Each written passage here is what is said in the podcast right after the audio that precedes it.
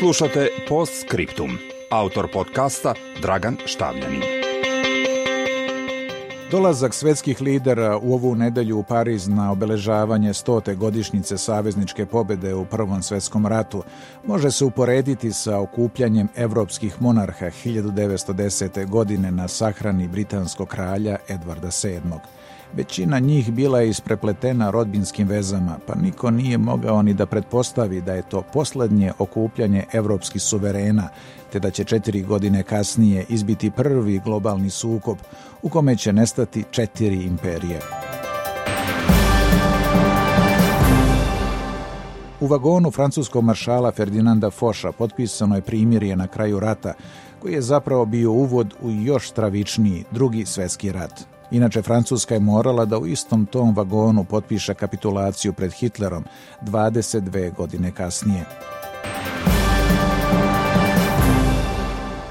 Međutim, još je važnija paralela između sadašnje situacije i one uoči Prvog svetskog rata.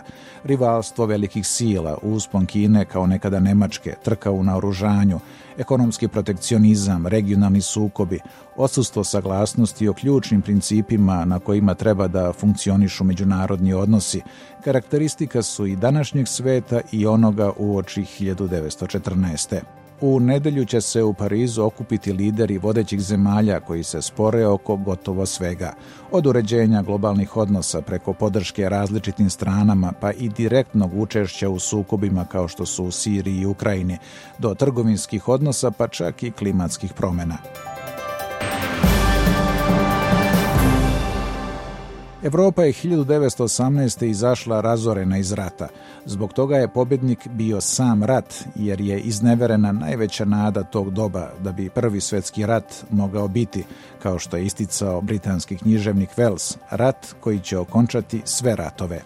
Naime, rat iz 1914. je tako nastavljen dolaskom Hitlera na vlast i u raznim oblicima do pada Berlinskog zida 1989. a i sada se zvecka oružjem.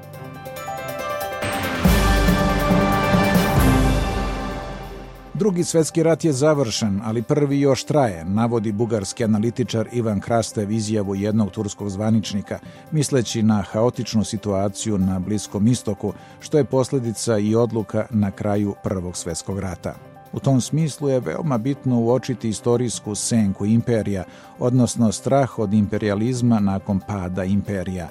Rusija, zatim sukobi od baltičkih zemalja do jugoistočne Evrope, preko Bliskog do Dalekog istoka. Ukoliko se ne izvuku istorijske pouke, onda se i sadašnje situacije koju Erik Hobsbawm opisuje kao vreme lišeno vizije budućnosti mogu izroditi najopasniji scenariji.